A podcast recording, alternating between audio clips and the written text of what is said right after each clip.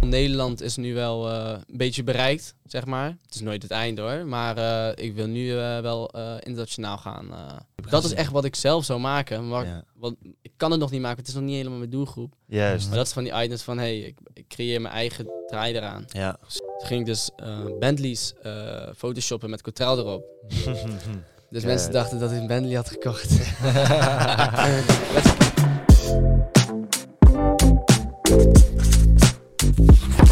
Welkom bij de 97ste aflevering van de Lotgenoten Podcast. De podcast voor ambitieuze ondernemers die op zoek zijn naar tips, tricks en insights. Mijn naam is Jaro, ik ben creatief marketeer, ondernemer en host van de Lotgenoten Podcast. Naast mij zit Koen Stam, YouTube-coach, ondernemer en mijn co-host van de Lotgenoten Podcast. En zoals jullie kunnen zien hebben we weer een gast tegenover mij zit Daan. Yes. Daan, welkom man. Ja, gezellig Allereerst, jongens. We ja, toch? Ja, ja. lullen, maar... eh, ja, we zijn al even bezig. Er is al een halve podcast opgenomen. Ja, ja, ja, ja, ja. Daan, ik heb gewoon even een korte introductie, zodat mensen die Mhm. eh, nog niet weten wat jij doet en wie je bent, eh, een idee hebben wat Ja. je doet. Jij bent vier jaar geleden, als ik het goed zeg, ben jij het merk Cotrel begonnen. Dat is Ja, een ja, ja. kledingmerk. Klopt. Eh, dat is volgens mij heel snel heel hard gegaan. Klopt, klopt. zoals ik net al tegen je zei, ik heb het gezien bij een aantal grote artiesten. Ik heb het bij Seven Alias gezien. Leeuw Kleine noemde je zelf al. Boef hebben jullie dingen meegedaan. Dus een aantal hele grote namen. Jullie liggen ook bij een aantal toonaangevende retailers. Mhm. Dus naast jullie eigen kanalen online hebben jullie ook retailers waarbij jullie werken. En eh, ja, volgens mij gaat het heel hard. Jullie zijn nu bezig met een nieuwe collectie volgens mij weer voor de zomer ja, ja, natuurlijk. ja, ja, ja. Ja, dat komt niet man. allemaal binnen. Ja, zo toevallig is de pre-summer al binnen. Dat is de collectie voor de zomercollectie. Die is Ja. nu al binnen. En eh, de zomercollectie die eh, komt rustig aan ook binnen. Mhm. Dus eh, het loopt allemaal wel een beetje volgens plan. Juist, Ja, dat is Dus mooi. Dat is goed, man. Het Goed, is dat is belangrijk. goed. Volgens Ja, plan is waar het om gaat. Ja, Ja, ja. Het eh, is Zeker. ook wel eens goed niet volgens plan gegaan eh, Ja. periode. Ja, ja, vaak genoeg. Ja, toch? Ik Ja. heb vaak genoeg dat ik een lading eh, spullen binnenkrijg, zeg maar. Vier verschillende hoodies en dan vier verschillende kleuren. En dat dan eh, een hele andere kleur binnenkrijg, bijvoorbeeld. Zeg Ja. maar, de Ja. rood die je niet had gewild. Dat een, eh, een pak bovenkant is donkerrood en onderkant is lichtrood. Kan je niet als een pak verkopen. Ja, Nee, man. nee, nee, Dat Ja. is echt fucked up. Precies. En dan ligt je handel. En hoe lang duurt het dan voordat, eh want dan moet je weer terugsturen, je moet dat corrigeren. Hoe lang duurt dat ongeveer? Ja, dat, dat verschilt een beetje. Soms zeg- zeg je ook van ik laat hem vervallen, want het seizoen loopt ook een keer voorbij. Dus dan is het ook niet handig. Soms laat je hem snel maken, want het is al een keer gemaakt, zeg maar. Het pasvorm, eh, alleen de kleur aanpassen. Dus eh, dat verschilt een beetje. Maar Oké. Ja, ja, Ja, ja. dit, dit is gelijk al heel interessant, want heel veel mensen willen een kledingbedrijf beginnen. Ik wilde ooit een kledingmerk beginnen. Eh, merken als Gymshark en dat soort dingen spreken natuurlijk heel erg tot de verbeelding. Mensen zien dat en die denken van ik wil dat ook doen. Maar de kledingbusiness is eh, cutthroat, man. Dus fucking Ja, uitdagend. heel, Echt een ja. ingewikkeld model om in te stappen. Klopt. Ik vind het wel interessant om helemaal bij het begin te beginnen. Om mensen die dit luisteren ook mee te geven van hoe jij gestart bent. Mhm. Om hun een beeld te geven van hoe doe je dat nou. Maar voordat we beginnen, blijf tot het einde kijken, want dan hebben we weer een hele mooie giveaway. Oh ja, heel Zeker, goed is Koen. niet te Daar is- vergeten. Ja. Koen is Ja. daar altijd alert op, juist. Ja, we gaan, ja, eh, ik zie weer jou weer eh, praten. Ik denk, ik moet even onderbreken. Dan zijn we weer een half uur Anders verder. ben ik al is de trein Ja. vertrokken. Ja, Ja, sterk man, ja. sterk. Ja. Dus eh, wees scherp daarop inderdaad. Zit weer een leuke giveaway bij je. Ehm, maar vier jaar geleden ben je begonnen. Je bent nu Mhm. 18. Klopt. Dus je bent nu nog steeds heel jong, maar je bent echt jong begonnen. Ja, ja, ja. 14 jaar was je dan waarschijnlijk. Dat is echt jong, ja. Kan je ons even meenemen naar het verhaal van toen tot nu? Hoe ben je erop gekomen? Hoe ben je gestart? Hoe is het allemaal gegaan? Ja, zeker. Nou, ehm, het begon allemaal dat ehm, ik eh, vroeger fotoshoots deed voor kledingmerken. Dus ik kwam wel in contact met brands, zeg maar. Eh, ik deed op hoog niveau sporten, dus ik had ook sponsors, ehm, ook kleding. Dus dat was wel mijn ding. En het dingen stylen. ehm. op een gegeven moment toen ehm, was dat niet meer mijn ding, dat sporten. Ik zag er geen toekomst in. Ik deed weekborden hoog niveau, ik zag geen Ja. toekomst in. Dus eh, dacht ik, nou, ik ga gewoon wat anders doen. School was niet helemaal mijn ding. Sowieso blijf op school als, als je iets anders doet, als je dokter wil worden. Want je, je ontwikkelt jezelf wel, zeg maar. Als je niks anders doet, dan ontwikkel je jezelf niet. Dus blijf lekker op school als je dat wil. En ehm, toen eh, kwamen we snel tot de conclusie dat ik kleding leuk vond. Mijn broertje zit in de ICT. En mijn vader zit er ook gewoon in. En die is meer de financiën zaken. Hij heeft al bedrijven gehad. Nou, toen kwam het idee, we gaan kleding starten. Dan kwam ik wel een beetje met het idee met mijn pa. Eh, nou, dat konden we heel mooi samenvoegen. Eigenlijk een heel mooi team hebben we nou gewoon met z'n drieën. Hebben we nog wel personeel, maar dat is wel gewoon hè, onze familie, noem het ook familiebedrijfje eigenlijk. Ja, man. gewoon, ik zag ja. dat in dat andere interview ook al. Ja, dat je ja, daar echt heel erg op, eh, op druk, man. Ja, Maar- man, het is echt een familiebedrijf. eh, Ja. Maar dat is uniek, man. mhm. En ik ge het ge- geeft wel gelijk een goede vibe mee. Ja, man, Als je dat zeker. hoort, ik heb dat in Nederland voor Je mij. staat er ook niet alleen voor. Je staat er niet alleen voor, Juist. maar je hoort Nee. het ook niet vaak. Snap je? En dat maakt het wel bijzonder. Ja, ja, ja. ja, De laatste die ik heb gezien was eh, Gucci. De, eh, Zo, nou, ik weet niet of je die, heb je die film gezien? Die eh, House Nee, of Gucci? gehoord dat hij echt slecht moet- is. Ja, oh, Slecht? ik vond het wel lauw. dat was Ja? goed, man. Ja, voor ondernemers is hij goed. Ja, Ja, ik vond is het wel goed. interessant. Juist Die het was in de bioscoop, toch? Ja, man. Ja, ook. Juist Oh. dat verhaal, dat die hoe dat was. helemaal ingestort is door eigenlijk eh, trots en ja, dat ja, soort ja, dingen. ja. Wel interessant om te zien, man. Ja. het wel, eh, nee, bij, ons is het wel, wij praten echt heel veel met elkaar. Juist. Mm. Dus eh, als er al een kleine irritatie is, gelijk altijd zeggen. Dus dan er wordt heel veel dingen. Ja, en hoe, hoe groot is het nu ongeveer? Want je zegt, je, je bent dus met je pa en Mhm. je broertje zit erin. Ja. Hoeveel eh, mensen werk je verder nog mee? Nu zitten we op kantoor met 15 man, Ja, zeg maar. Niet Groot, elke man. dag. Eh, Groot. en dan, ehm, we hebben 190 winkels, zeg maar. Niet Ja. fysieke winkels, maar klanten kunnen bij ons inkopen. Eh, niet bij een groothandel, maar wel. Hè, ik heb een agency die dat dan weer regelt. Dus niet dat Jan en Allemans bij mij kan kopen. En ehm, ja, heel Nederland is nu wel eh, een beetje bereikt, zeg maar. Het is nooit het einde hoor. Maar eh, ik wil nu eh, wel internationaal gaan. Doop. ja, Heb je al landen op het oog waar je zegt van daar zou ik als eerste uitrol willen doen? ja, Engeland lijkt me vet. Ja, ja, Engeland lijkt me vet. keihard. Merk je Ja. daar ook al nu dat je daar al voet aan grond hebt? Of wordt dat weer een heel nieuw nee, project? dat is echt een nieuw project, zeg Ja. maar. Zijn we nu mee bezig? rustig gaan beginnen, maar het is niet dat dat Nee, dat gaat niet eh, overnight. Nee, is andere Nee. koek ook, merk je hele andere dat- koek, maar ook Ja. andere fashion. Dus je moet ook weer je collectie aan gaan passen. Ja, Oké, oké. Dus, Dus, gewoon ehm, anders. Ja, heel anders. En als je bijvoorbeeld kijkt naar... Is het dan niet handig om te kijken naar verschillende landen en kijken waar ze een beetje dezelfde smaak hebben? Ja, dat kan, maar je komt nooit in de buurt naar wat die klanten willen, Nee. zeg maar. Dat is het bijna niet. is lastig, eigenlijk niet. Nee, het is allemaal ergens anders. Stel, jij loopt in eh, België. België is nog hetzelfde, maar als jij in Amerika loopt, zie jij hele andere fashion. Ja, Ja, man. Ja, Het is me nooit echt opgevallen dat dezelfde merken in andere landen heel andere kleding of zo uitbrengen of zo. man. Wel, bro. Ja, ja, ja, ja. Kijk, in de sport bij een Gymshark is gewoon... hè, iedereen sport in hetzelfde pak, zeg maar. Ja. dat is het. En de sport is anders, maar in de fashion is het heel anders, ja. Oh. Zeg Ja. maar. Ja, ja, ja. Sick, man. En Italië? Ik vind Italië ook nog wel bij die passen. Ja, maar. Italië is echt high fashion, weet je. ja. Italië is gek, man. Is, ik was in ehm, Rome laatst nog. Allemaal overal winkels waar je ook pakken kan laten Snap je? aanmeten en zo. Ik heb, hele andere niet ik heb toevallig wel, toen ik begon twee blouses laten maken, heb ik nog steeds. Dan Mhm. laat ik gewoon lekker Ik doorlopen. zag het staan, man. Maar Ja. eh, nee, ik heb geen, ik heb geen lovertjes met eh pantalonnetje. Nee, dat Nee, kan nog precies. niet. Nee. Nee, Nee. man. Nee, Later hopelijk een keertje. Precies, want ik zie Ja. dat wel zeg maar, onder jullie naam erbij passen. Ja, ja de, in wel toen we starten, zeg maar, naam verzinnen heeft wel echt een jaar geduurd. Heel veel namen gehad. Ja. Dus we zijn nooit gelijk van, ja, dit is hem. Het was echt doordenken, doordenken, doordenken. Is het wel slim? Kunnen we ook echt doorgroeien? Of kunnen we alleen Nederland met deze naam pakken? Want ik weet dat er heel veel concurrenten een naam hebben die wel echt een beetje Nederlands gericht is. Moeilijk buitenland door te stromen. En ehm, toen wij bij Cortrel kwamen was het wel van, hey, dit kan wel internationaal opgepakt worden. Ja. En hoe ben je erop gekomen? Want wat, waar, wat, het heeft niet echt een betekenis. Nee. Volgens mij het is niet een... Nee, het is een fictieve, na ja, fictieve naam, maar het is... ehm, nou, we begonnen met Franse woorden. eh, en toen kwamen we met bootnamen. Mhm. En er kwamen dus wat lettertjes uit. Wat, kijk, wat het ook is, eh, je, je kan eh, iets op je trui plakken. Maar ik vind bijvoorbeeld, even een goed voorbeeld, een letter E bijvoorbeeld vind ik... nee, nee, nee, nee, even een goed voorbeeld, want die heb ik zelf.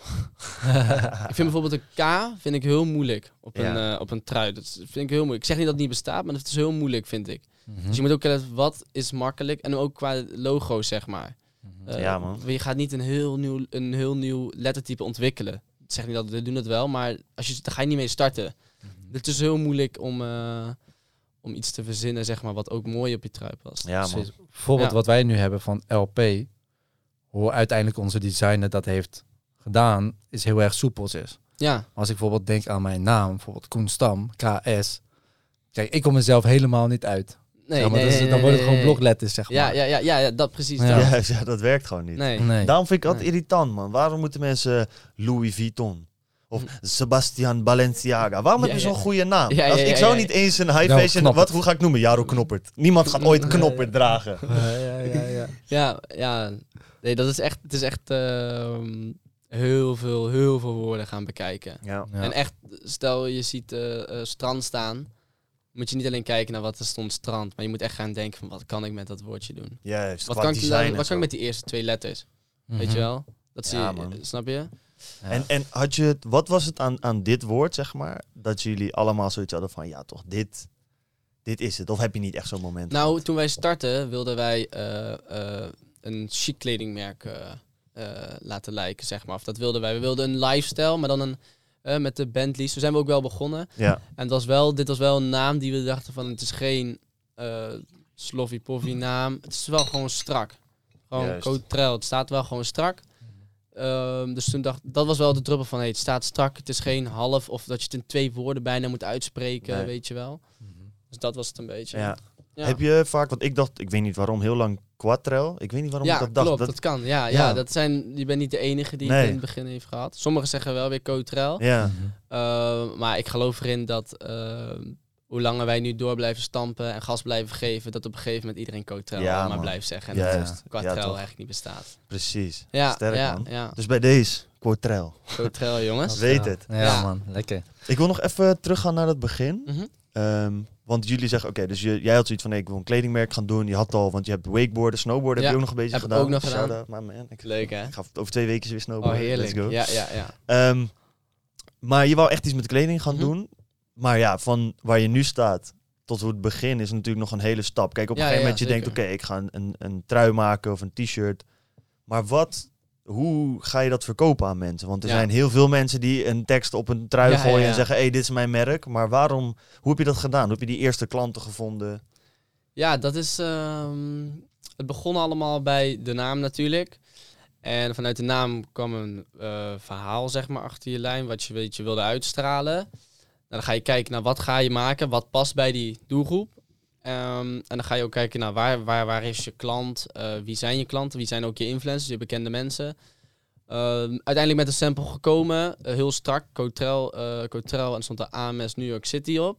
Eigenlijk betekent New York City niks, vonden we gewoon mooi en strak Ja. staan.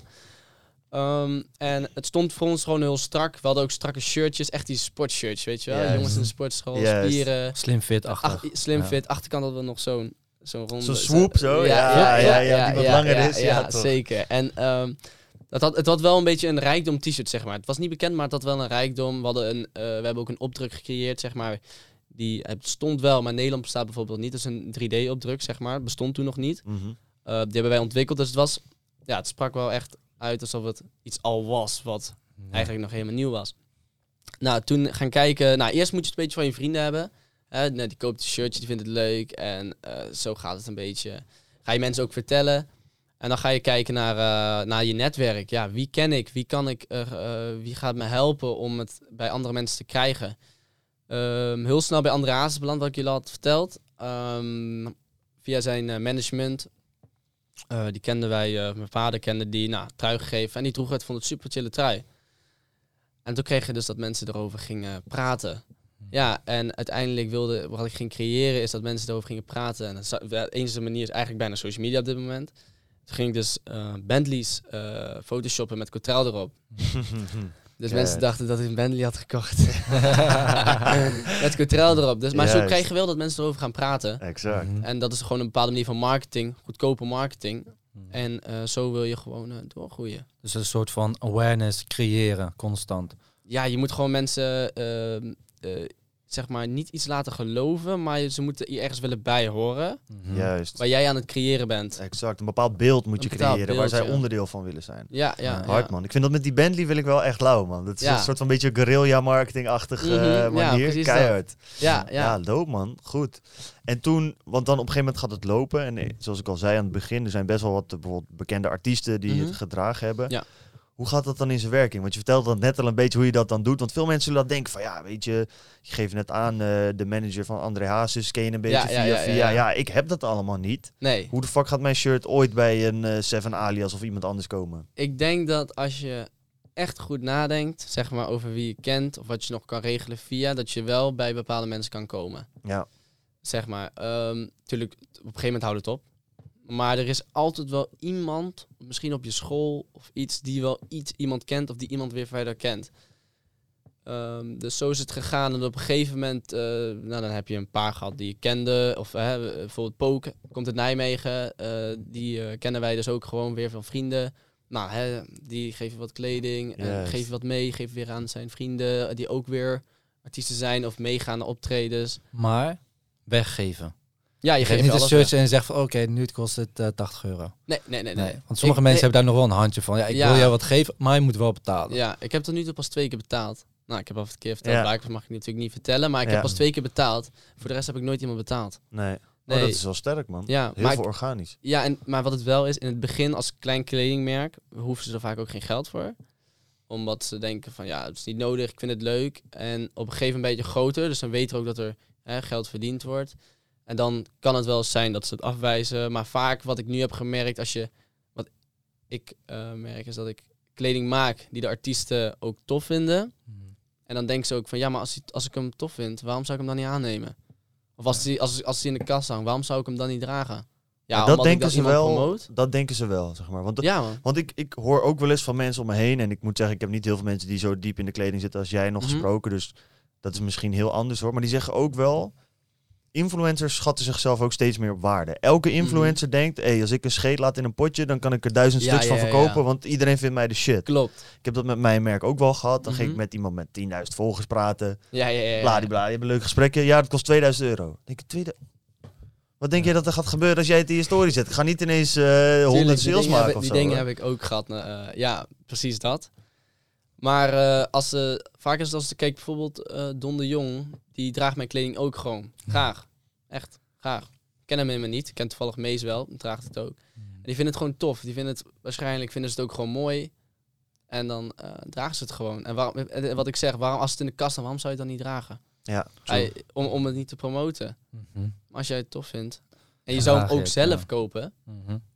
Hoe, hoe doe je dat? Hè? Want dat is dan, want daar ben ik het helemaal mee eens. Kijk, kwaliteit van een product gaat uiteindelijk bepalen of mensen ermee fokken, ja of nee. Ja, en, ja, en ja. dat, dus, dat Klopt. geloof ik helemaal. Alleen dat is bij kleding natuurlijk best lastig. Want hoe weet jij van hoe maak je kleding die mensen tof vinden? Hoe, hoe doe je dat proces? Hoe doe jij trendspotting? Trends. Wat doe je allemaal daarvoor? Ja, dat is. eh, ja, je, je gaat gewoon eh, naar de trends kijken, zeg maar. Wat is er nou? Wat maak je eigenlijk? Wat de high fashion maakt, dat is een beetje waar het naartoe gaat dit jaar. Ehm, en daar kijk je gewoon naar. En in de kleding is het niet dat eh, heel veel mensen wilden heel veel. Kijk, ik heb wel originaliteit in mijn kleding, dat weet ik. Ehm, maar het moet ergens vandaan komen, zeg maar. Ik, wij zijn geen Virgil Abloh. Nee, Snap je? Dat, die zijn we niet. Kunnen we gewoon heel eerlijk over zijn. Heel veel mensen waarschijnlijk over, maar dat zijn we niet. Dus je kijkt gewoon naar eh, voornamelijk de grotere merken. Wat doen die? Hè? Gucci, eh, Louis Vuitton, dat zijn merken die laten zien van... hey, dit jaar is dit het. Mhm. Dit is de nieuwe shit.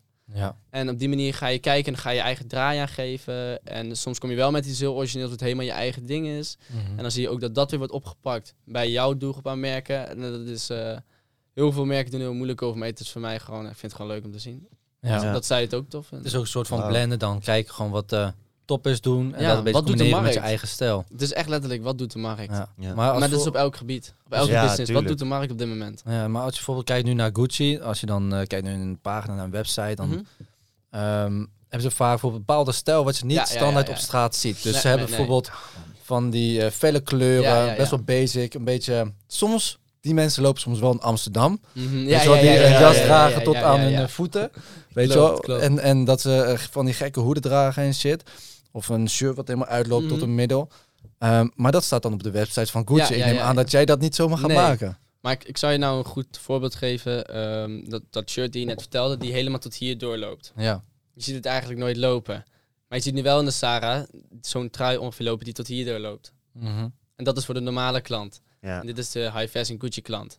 Snap je? En zo werkt het een beetje. Ja, En dit is dan wel een heel makkelijk ware. voorbeeld om te, voor te noemen, wat je Ja. toevallig zegt. Ja. Maar eh, zo werkt het eigenlijk gewoon een beetje. ja, man, je vertaalt het eigenlijk gewoon van Eh, die ja. runway fashion, die is nu eigenlijk heel Ja. erg out there Ja, is, ja, ja. naar wat mensen ook echt op straat gaan Snap dragen. Ja, ja. Extremisten naar eh, normaal eigenlijk. Ja, of ja, naar gewoon massa meer, denk ik. Massa. Wat Ja, meer je massa. gewoon massa ja, doen, ja. ja. En kijk, Gucci is internationaal, dus die draait die massa aan. Ja, Snap je? Maar die hebben ook gewoon een... eh, Gucci heeft de high fashion collectie, maar die hebben ook gewoon een normale, normale collectie die eh, wordt gekocht, zeg maar. Juist. Snap je? Dus, en daar verdienen ze waarschijnlijk het meeste geld mee. Ja. Hoe kijk je naar bijvoorbeeld, ik weet dat een merk als Balenciaga volgens mij ook bijvoorbeeld echt bepaalde statement pieces maakt. Die hadden bijvoorbeeld volgens mij in een outfit waarin alles binnenste buiten hing of zo. Ja, zeg maar het slaat helemaal nergens op. Het is eigenlijk heel raar. Het is meer Klopt. kunst dan kleding. Ja, ja. Maar daar maken zij, dan denk ik, kopen ze een hele lage oplage van. Dat maken ze ongelooflijk duur. Mhm. Maar op social media gaat iedereen dan, eh, kijk dit, waar slaat dit op? Repost, repost, repost, Ja, repost. ja. Dus de naam Balenciaga groeit Wordt ongelooflijk. groeit ongelooflijk. Juist. Ja. Hebben jullie ook zo'n soort van, wat je zegt net al met die Bentley. Dus ik denk dat je wel op een creatieve manier over Mhm. marketing nadenkt. Heb jij ook van die dingen dat je zegt, wij doen dit op een slimme manier? Bijvoorbeeld een statement piece maken. Of een Bentley met onze naam Mhm. erop. Om onze naam groter te krijgen. Niet zo heftig natuurlijk, want dan gaan mensen denken van, joh, wat is dit? Je wil ook niet meer geassocieerd worden, Exact. snap je? Want Ja. zo groot ben je gewoon nog niet. Nee. Maar wat het bij ons is, waar wij ons focussen, is ehm, ehm, United Nations, zeg maar. Mhm. Dus iedereen is één. En dat is zeg maar een beetje een statement die wij naar buiten altijd willen brengen. En ehm, kijk, eh, ik ben buitenlands dan, zeg maar. Ik ben wel in Nederland geboren. Mijn vader is ook weer Nederland, maar mijn vader is Nederlands. En we hebben altijd zoiets van, hey, alles brengt bij elkaar, United Nation. Want ik schiet met eh, de meest aparte modellen, maar ik schiet ook gewoon met hele donkere modellen. En ik wil gewoon alles bij elkaar brengen. En dat is een beetje wat wij naar buiten willen brengen, zeg maar. Dus dat, en daar willen we dus een community mee creëren. Nou, die is er nou uiteindelijk al gekomen. Mhm. En die wordt alleen maar groter. Dat is een beetje hoe wij dat doen, zeg maar. Hoe, hoe heb je zo'n community gecreëerd? Ja, wat ik net vertelde, dat is puur marketing. Ook met, Marketing, eh, met ja. zo'n Bentley eh, en eh, jongens in de sportschool die er goed uitzien. Waar andere Mhm. jongens denken van, hé, als ik een shirtje koop, dan zie ik er ook gewoon goed uit. Het zit goed. Eh, dat is een beetje hoe je community creëert. Oké, want sommige mensen, kijk, van oudsher kan je zeggen van ja, als je een maillijst opbouwt, dat wordt een beetje je community. Ja. Mhm. Wij zien nu voor een beetje de, Telegram of een Discord. Telegram. Weet je, Ja, ja, dat is ook een gewoon Ja, community. Ja. Maar voor jullie is dat misschien weer anders. Van Bij mensen ons- moeten het ja. dragen natuurlijk. Ja, bij ons is het de mensen die het dragen. Oh, bij ons is het eh, gewoon de mensen die het, eh, die het dragen, eh, Ja. die ons volgen. En die ook gewoon checken van, joh, wanneer komt een nieuwe collectie? Ja. Snap je? je Hoe, kijk je, want je, je had het net al over, je kijkt breder dan Quatrel, het kledingmerk. Dat, Mhm. dat merk ik gelijk aan jou. Je denkt ook over feesten, dingen, Ja, ja, ja, community ja. building. Ja, ja, ja. Het gaat al verder. Ehm, hoe kijk je dan bijvoorbeeld naar een Discord? Zou je bijvoorbeeld denken van, hé, misschien kun je een Quatrel Discord maken waar je een soort van Mhm. die community nog doorpusht? Zijn dat dingen waar je ook in de toekomst naar kijkt? Nee, dat zijn denk ik dingen die niet in mijn eh, straatje liggen, zeg maar. Zeg Mm, maar. Dat, ja. is, eh, dus, het- dat is ook niet per se mijn doelgroep die dus... Lukt die? Ja. Dus dat, is, dat zijn die dingen waar ik naar kijk, zeg maar. Ik hou het nog wel... um, Ik ga het niet... ehm, laten, eh, hoe noem je dat volgens mij? Dus Je gaat het niet laten, ik ga het niet verzadigen, zeg maar. Ja. Mhm. Snap je? Ik hou wel tot gewoon één punt, dit is mijn punt. Mhm. Hier kunnen hun komen. Ik weet dat ze hierin geïnteresseerd ben. Ik ga niet dan van andere punten nog allemaal dingetjes verzamelen, halve dingetjes daar doen, Ja, zeg maar. echt één project hebben en daaraan werken. Ja, Juist. Ja, precies. Gewoon die Hoe, eh, 100% focus op één project. Juist. Gaat gewoon lukken. Hoe kan het dat je dat, dat je dat allemaal weet? Want je zegt wel, kijk, je vader heeft natuurlijk, of je ouders allebei volgens Ja. mij hebben best wel wat gedaan met ondernemen. Maar je bent echt nog een jonge guy, je bent 18. Mhm. Nog niet zo lang volgens mij überhaupt. Nee, En als ik je dingen hoor zeggen, dan weet je best wel al een soort van pilaren van business die ehm, heel belangrijk zijn om door te ontwikkelen. Je zegt, je hebt focus, mhm. maar ook je weet heel goed wat je wel en niet wil doen in het bedrijf. Dus je zegt Klopt. van Discord, dat ligt niet binnen onze lijn, dus dat doen we juist niet. Nee. Hoe ben je aan al dat soort kennis gekomen dan? Ehm, leergierig zijn. Ja, Vroeg beginnen met werken. Mhm. Echt vroeg. En ehm, heel veel... Kijk, ik ben niet iemand die heel veel leest of zo in boeken. Zeg maar. Maar ik ben wel... Ik wil wel heel graag dingen begrijpen. Wat ik leuk vind, zeg maar. Wat ik niet leuk vind, ben ik wel wat moeilijker in, zeg maar. Dat vind ik af en toe wel moeilijk. Maar het leergierige, goede mensen om je heen hebben, dat is echt heel belangrijk, zeg maar. Maar je moet het zelf eh, creëren, zeg maar. Je moet het echt zelf creëren. En voornamelijk dat leergierig. Kijk, als je tegen mij nu zegt van... eh, jij vertelde mij over, dat, over die curve is. Ik ga er ook dan even drie keer over nadenken. Van, nee, maar waarom heeft hij dat eigenlijk gedaan? ja. Waarom, eh, waarom heeft hij hierover nagedacht? Mhm. En eh, wat zullen ook de voordelen en nadelen ervan zijn? En dan kan ik ook... Ik kan heel, heel dingen die ik interessant kan ik echt in me opnemen. Dan kan ik echt over schrijven bijna gewoon met Ja. mijn hoofd. Ja. Ja, je en reflecteert veel op de dingen die je veel. meemaakt, zeg ja, maar, en ja, ziet. ja, en heel veel... ja, en ook gewoon eh, mijn ouders sowieso. Ja, Eh, lof naar mijn ouders sowieso. Shout-out. Ja, Ja. naar mijn ouders, Ja. mijn moeder en mijn vader. hard. Die hebben al, nou, eh ouders zijn wel uit elkaar, dus eentje, eentje is uit het bedrijf gestart, maar volgens mij nu eh, t- t- 16 jaar of zo een bedrijf. Mhm. Vader komt bij het leger, super gedreven. Ben niet streng opgevoed, maar wel met, eh, met regels, snap ja. je? Dus eh, daar veel van meegekregen. Heel veel, veel discipline. Ehm, en ik had op jonge leeftijd sponsoren. Ik moest dat ook onderhouden. En daar ga je... Je gaat het grote mensenleven begrijpen, zeg maar. Wat mensen van je verwachten. Mhm. En dan op een gegeven moment baantje, voordat ik een jaar begon van mijn kleding, baantje eh, in een, ehm, hoe heet dat nou, in een restaurant afwassen. Dus je wordt gewoon, ja, je, moet, je weet gewoon hoe werken. En je, je gaat gewoon leren hoe je moet werken en wat ouderen van je verwachten en hoe we erover nadenken. Ja. Je wordt vroegtijdig mee geconfronteerd. Ja, Dus ja, wat de meeste mensen, bijvoorbeeld, eh, ik ben begonnen met ondernemen om officieel op mijn 22e. mhm. Snap je? En jij op je 14e. Dus ja, sommige dingen waar ik voor mijn 22e, wa- misschien 21, toen begon ik na te denken een beetje over ondernemen. 18e kwam ik voor het eerst contact met überhaupt ondernemen, iets voor jezelf opzetten. ja, ja, ja. Dus dan die voorsprong die je op een jonge leeftijd hebt. Mhm. Maar ik, soms hebben jou en ik samen wel een gesprek en dan zitten we ergens gewoon over na te denken. Ja, ja, ja. dan krijg je bepaalde inzichten en denk oh, dit is heel erg vet. Maar dat komt ook een beetje door de tijd. En omdat je tijd ergens investeert, je Mhm. ziet video's erover Klopt. en dan pakt het opeens. Ja, ja. Maar jij hebt het al vanaf je veertiende. Ja, ja dat, maar dat is wel zeg maar eh, gekomen omdat ehm, ik ben opgegroeid zeg maar wel in een slechte wijk, zeg Ja. maar. Wel heel snel uitgegaan. Eh, vader en moeder al alles aan gedaan om eruit te gaan. En, eh, ben ik naar een minder fatsoenlijke wijk gegaan, zeg maar. En eh, het bedrijf ging goed en toen kwamen we op een gegeven moment dus echt ehm, in een groot huis terecht. Alles erop en eraan. Eh, ik kon in de tuin spelen, weet je wel, rennen, eh, ik honden. eh, dus je kon alles een beetje doen. Maar mijn schoolniveau is niet zo hoog, zeg maar. Dus het is niet van mij weggelegd, het is niet mijn ding. Eh, maar ik, wilde, ik wil uiteindelijk ook dat creëren, zeg maar, voor mezelf. En kwam ik op hele jonge, le- jonge leeftijd achter, achter dat dit is wel iets wat ik leuk vind. Die vrijheid, mijn eigen huis, mijn eigen plek. Iets groots hebben waar mijn kinderen zich kunnen ontwikkelen op hun eigen omgeving. Eh, en, niet dat ze, en niet dat ik iets tegen heb, maar dat ze eh, beperkingen hebben met bijvoorbeeld een kleiner huis waar ik niks tegen heb. Maar het is wel iets wat ik mijn kinderen wil geven. En dat wist ik al wel heel jong. Ja. Mhm. Van dit is echt wat ik, wat ik zelf mee heb gemaakt. Die eh, chille opvoeding en eh, vrijheid. Dat wil ik ook mijn kinderen geven. Ja. Ja, Daar je hebt, alles voor doen. je hebt twee dingen die, die mij opvallen, die heel erg, die je vaak ziet dat mensen drijf geeft, inderdaad, is enerzijds dus dat je minder gehad hebt en dat je daarin gegroeid Mhm. bent. Dus dat geeft vaak wel vuur. We kennen meer mensen die dat, Dat, maar hebben. dat heb ik dus ook gehad, want ik ben ook van klein. eh, Exact. Dat, Ja. dus, dat, dus dat zie je bij jou heel erg terug. En het tweede is, ik zie ook gewoon heel vaak bij mensen die, die eh, opgevoed worden door ondernemers. Dus je ouders hebben allebei eh, doen aan ondernemen. Is dat ze veel meer meekrijgen dat er veel meer mogelijk is dan gemiddeld gedacht wordt. Ja. En als je dat vanaf jongs af aan al inziet. Kijk, voor mij was het nodig. Mhm. Ik was helemaal into fitness. En toen op een gegeven moment zag ik, oké, Gymshark. Iedereen draagt die shit. Ja, om ja, ja, ja. 2015 of zo zag ik, huh, en toen op een gegeven moment las- las ik steeds meer over die jongens die dat gestart waren. En op een gegeven moment dacht ik, holy shit, dit is fucking lijp. Dit zijn gewoon twee guys net als ik die dit begonnen zijn en die nu gewoon een hele business hebben die mensen dragen. En dacht ik, hey, dit wil ik eigenlijk ook wel. Ik wist helemaal niet dat dit een optie was in Dat het leven. kon in het leven. Juist, en toen was ik al eh 17, zeg maar. Ja. Ja. Nou, dan ga je het een beetje proberen. Dus dan kom je heel laat achter. Terwijl je ouders waarschijnlijk vanaf jongs af aan al veel meer uitdraagt van... hé, hey, Mhm. je kan van niks iets maken. Als je er Ja, zelf hard aan werkt, er is gewoon heel veel potentie. Nou, meer, dat er meer opties zijn inderdaad. Ja, er zijn gewoon Juist, meer opties. meer opties, man. Maar je moet er ook, zeg maar, ik stond er heel vroeg ik- misschien dat ik zo ben, denk ik, maar ik was er heel vroeg al eh, in mijn hoofd mee bezig. Zeg maar, ik stond echt open voor dingen te leren, om Ja. dingen te zien. Dus ik kon heel snel met ouderen mee, altijd oudere vrienden gehad. Mhm. Ehm, dus ik kreeg gewoon heel veel van ouderen mee, zeg maar. En als je dat gewoon, kijk, je kan het horen, maar het kan de ene oor uit gaan, de andere, eh, of de ene oor in, de andere uit. Ja, Ja. man. Maar je kan er ook gewoon even die ene oor erin, even hier houden en dan gaat het later wel weer eruit en dan ga je weer verder spelen. Ja. Ja, inderdaad. En als je, ik denk als je jong bent en je gaat gewoon echt nadenken over wat er echt in de wereld allemaal is, Mhm.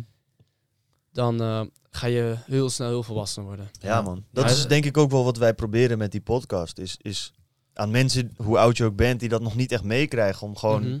veel van ons eigen verhaal, maar ook mensen zoals jij, gewoon Ja. te laten horen van... Er zijn zulke lijpe dingen Ja. mogelijk, zeg maar. Een guy van 18 kan een merk bouwen dat door duizenden mensen wordt gedragen.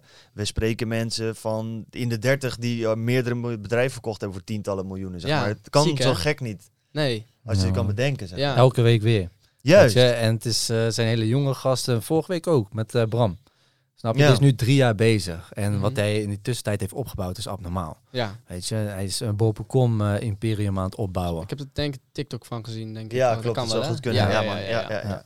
Ja. sinds gisteren beetje online aan het gaan, Ja, inderdaad. ja, Ja, even zo Klopt, eh, opbouwen. Ja. Even een beetje die gaat al hard inderdaad. trouwens, hè? 40k views al op eentje. Lekker. Eentje op de Hey. tweede dan, want die eerste ging Nee, die eerste zo, ging eh, kut, inderdaad. ja, vervelend, joh.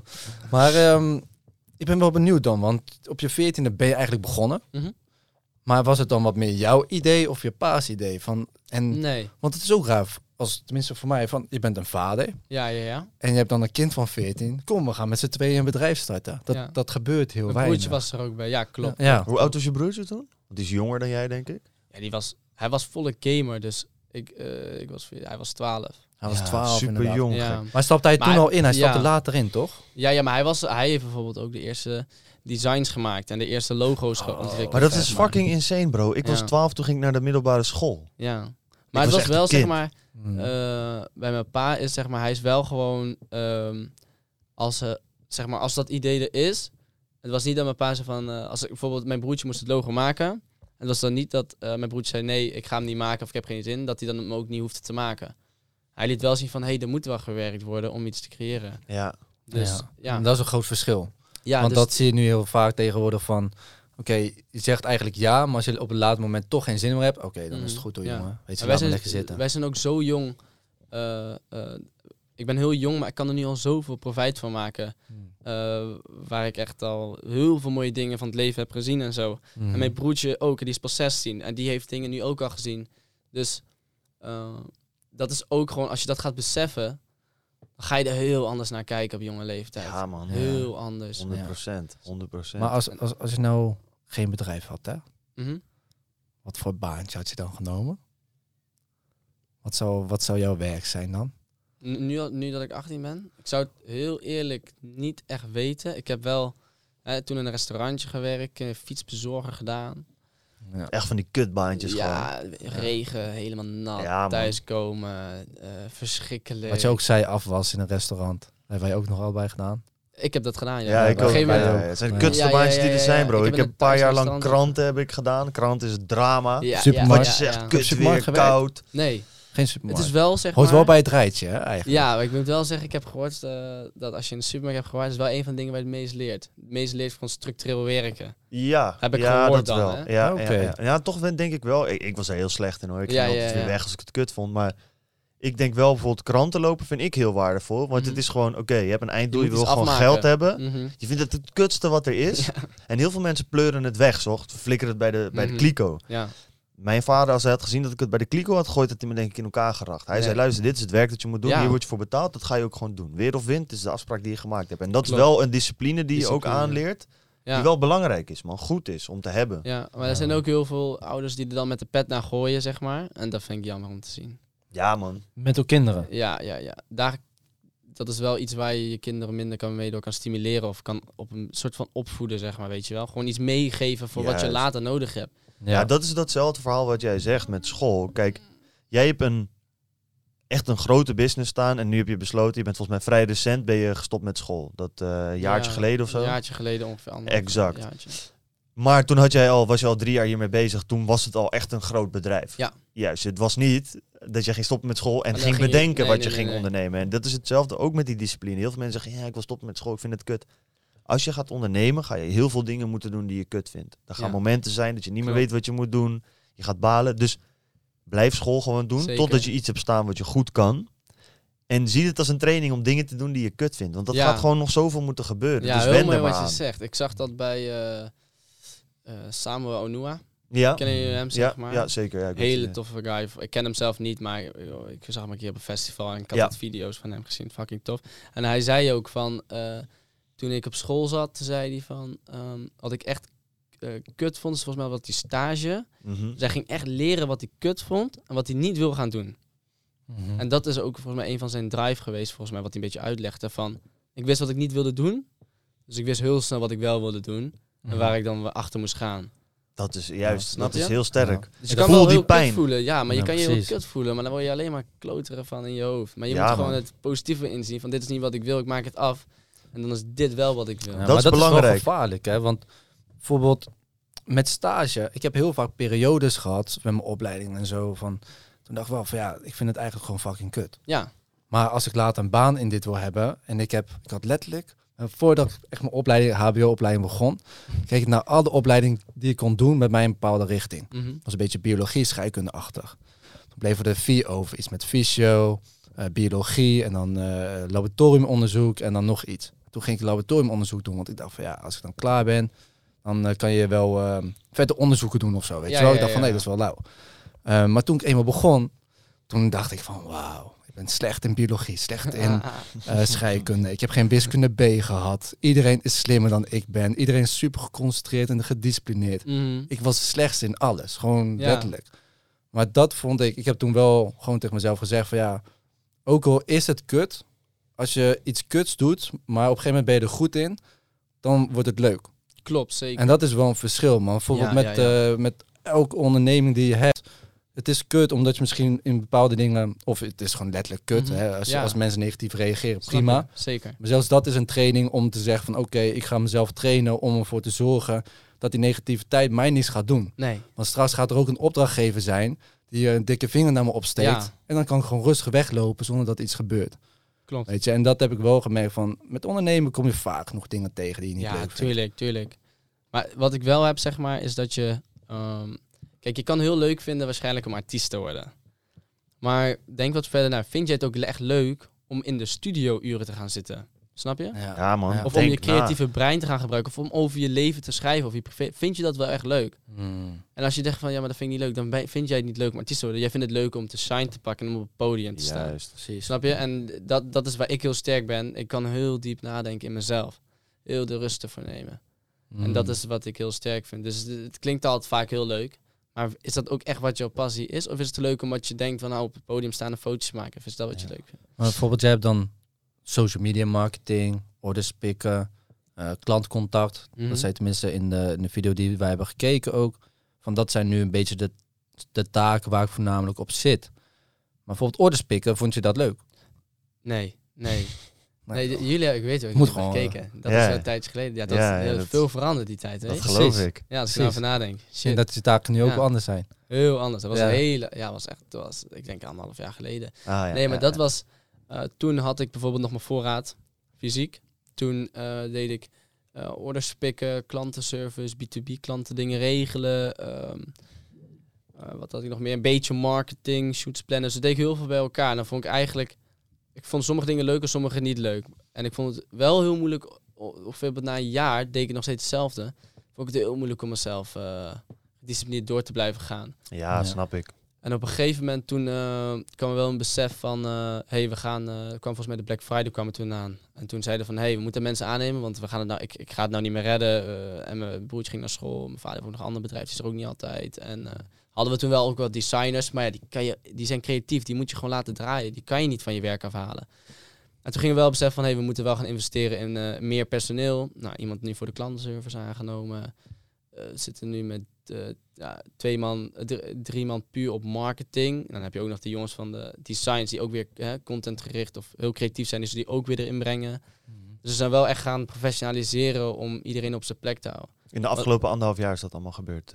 ongeveer. Ja, want toen, ik denk dat we toen, ik weet niet precies met hoeveel man we zaten, maar ik denk met zes of zo, vijf. Ja, ja, dus meer dan verdubbeld in die tijd. dat denk ik. Ik denk Ja. dat we toen met vijf zaten. En je bent toen. met een fulfillmentpartij gaan werken ook, gaf je net Ja, al aan. Dus Dat, dat, is sinds ook, augustus. dus, ja, dat was net na de Black Friday helaas. Dat is ook wel echt Mm. een, een chille ontwikkeling, denk ik. Ja, hele chille ontwikkeling. Eh, leer je ook super veel van. Dat is echt niet normaal wat ik, hoeveel ik, wat, wat, wat daar nog allemaal gebeurt. Ja, bizar hè, al die logistieke processen en zo. God damn. Ja, man. ja, ja, dus daar heel veel van geleerd. En er komt heel veel tijd vrij. Ik moet wel zeggen, we hebben iemand aangenomen. Kijk, ik deed eerst dat logistieke centrum ook heel veel dingen regelen. Ehm, nu iemand van aangenomen die mijn taak heeft overgenomen. Ik probeer gewoon over haar rug heen te kijken. Van, hey, ga voor oude schouder bedoel ik, gaat het allemaal wel goed? Eh, want ik heb natuurlijk allemaal wel al meegemaakt, hoe en wat en alles werkt. Eh, haar daarvoor aangenomen. Dus daar heb ik weer meer tijd voor om eh, bijvoorbeeld op de marketing te zitten. Of, of echt mijn creatieve brein ook in de designs terug te laten brengen, weet je wel. Ja. En dat was op een gegeven moment niet. Dus op een gegeven moment ga je heel veel, je gaat heel veel proberen te verkopen, zeg maar, wat je hebt gemaakt. Mhm. Maar op dat moment kijk je niet heel veel verder meer als wat er op dat moment Nee, is. je bent heel erg in het Ja. hier en nu de hele tijd Hier aan het en nu, werken. ja. En nu Ja. ben je Nu zeg maar in die Elon Musk type jaar- shit, dat je vooruit kijkt. Ja, nu kijk je gewoon Dat twee jaar echt- verder al. Juist man, dat is letterlijk wat, wat ondernemers doen. Dat wordt vaak wordt dat niet begrepen. Dat is ook, dat hoor je heel veel. Dat, eh, een heel interessant verhaal daarvan is Hugo, heet hij? Hugo de Koning. Hugo de Koning is hij. Hij is van ehm, Young Capital. Een heel groot uitzendbureau. 200 miljoen omzet per jaar. Gigantisch Dat is bedrijf. een jonge gast ook, toch? Ja, met krullen. Ja, ja, Hij heeft ja, ja. met, Ik heb hem bij de eh, quote toen volgens mij gezien. Oh, dat, zou goed kunnen, Oh, man. Ja, man. Hij heeft met Noah's Ark ook wat dingen gedaan en zo. een die ken ik. Dus ik heb hem ooit in het echt eh, half uurtje mogen spreken. Maar toen ging ik een beetje in zijn leven duiken. En hij zei toen ook van... We zijn met z'n drieën begonnen. We gingen alles runnen. Boom, boom, boom. Op een gegeven moment ga je heel erg... Je gaat van creatieve entrepreneur die dingen bedenkt, Mhm. eh, lijnen uitzet, in de toekomst kijkt. Ga je steeds meer naar manager toe. Ja, ja. Dagelijkse gang van zaken managen. En op een gegeven moment zegt hij ook, ik zat in de rol van CEO. Ik moest dat de hele tijd doen. En ik zei, zei, zei ik werd er doodongelukkig van. ja. Dus Zeker. toen hebben zij een CEO aangenomen. Want de CEO die gaat de dagelijkse gang van zaken managen. Het hier en nu, een halfjaarplan, strategieën, KPI's. Hij zegt als ondernemer, ik moet drie jaar in de toekomst kijken. Met Ja, plannen man. komen en die bij hun droppen. En dan gaan zij het weer uitwerken. Dat is wat ondernemers doen. Ja, Dat is ook het leukste. ja Het allerleukste. Ja, dat vind jij het leukst. Maar er zijn mensen die dat helemaal niet leuk vinden. Ja, ik vind dat wel vet. Helemaal als je dat kan zeggen. Oké, ik heb mijn ding gedaan. Team, hier is het papiertje. Laten we het doen. Weet je, dat is het mooiste toch? Maar bedoel je daarin dat je het op een gegeven moment zover hebt bereikt dat je dan zegt van eh, jullie gaan het runnen? Nee, meer van Bedoel je het zo? Dat jij naar voren kan denken van oké, waar gaat het bedrijf Oh, naartoe ja, ja, over ja, twee, drie, wel. vijf Klopt. jaar. En Ja. dat je dus de mensen onder je kan aansturen om dat verder te regelen. En Ja, uiteindelijk ook dat is- wel runnen, denk ik, man. Ja. Kijk, ik zou bijvoorbeeld uiteindelijk zou ik denk ik focussen op waar mijn kracht ligt. Zeg bijvoorbeeld Mhm. sales. Mhm. Dus hey, ik ga wel nog diners hebben en eh, lunches pakken met allerlei eh, retailers om die dingen te blijven groeien. Voor de rest denk ik mee met design.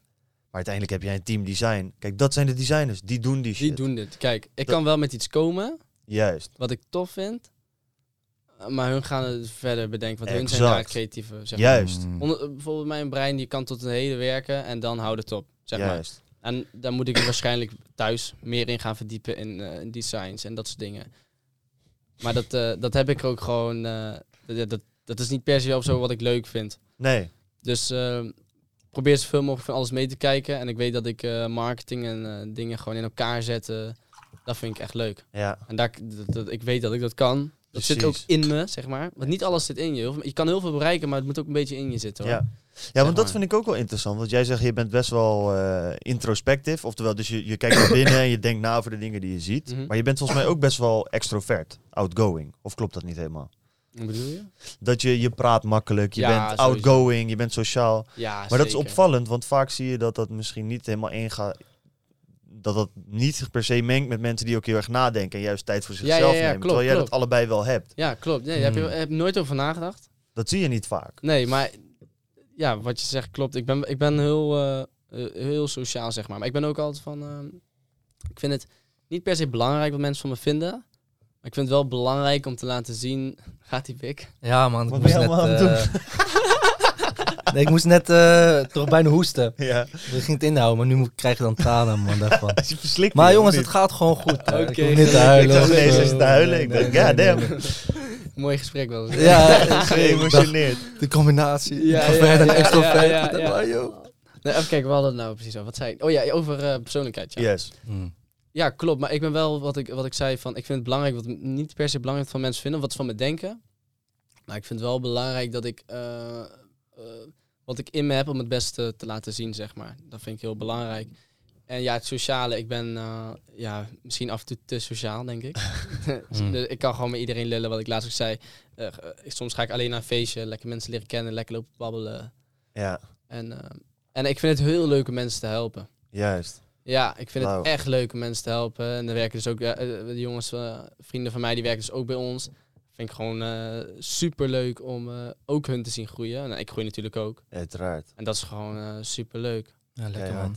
Ja. Hey, pak jij ook momenten om te reflecteren? Want je zegt, je doet dat best wel veel. Doe je dat bewust? Bijvoorbeeld dat je 's ochtends zegt, ik pak een soort van meditatiesessie? Of hoe werkt dat?